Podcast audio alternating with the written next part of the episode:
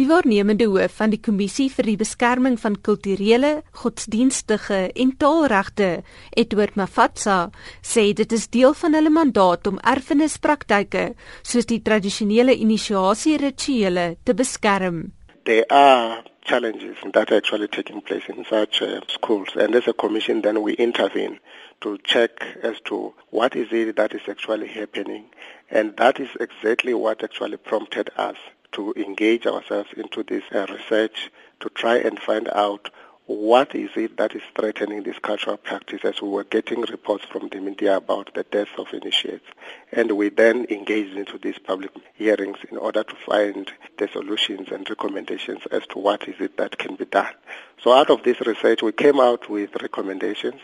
that actually we are currently discussing with the relevant stakeholders to make sure that there's a serious intervention in order to lessen the high rate of death in these schools.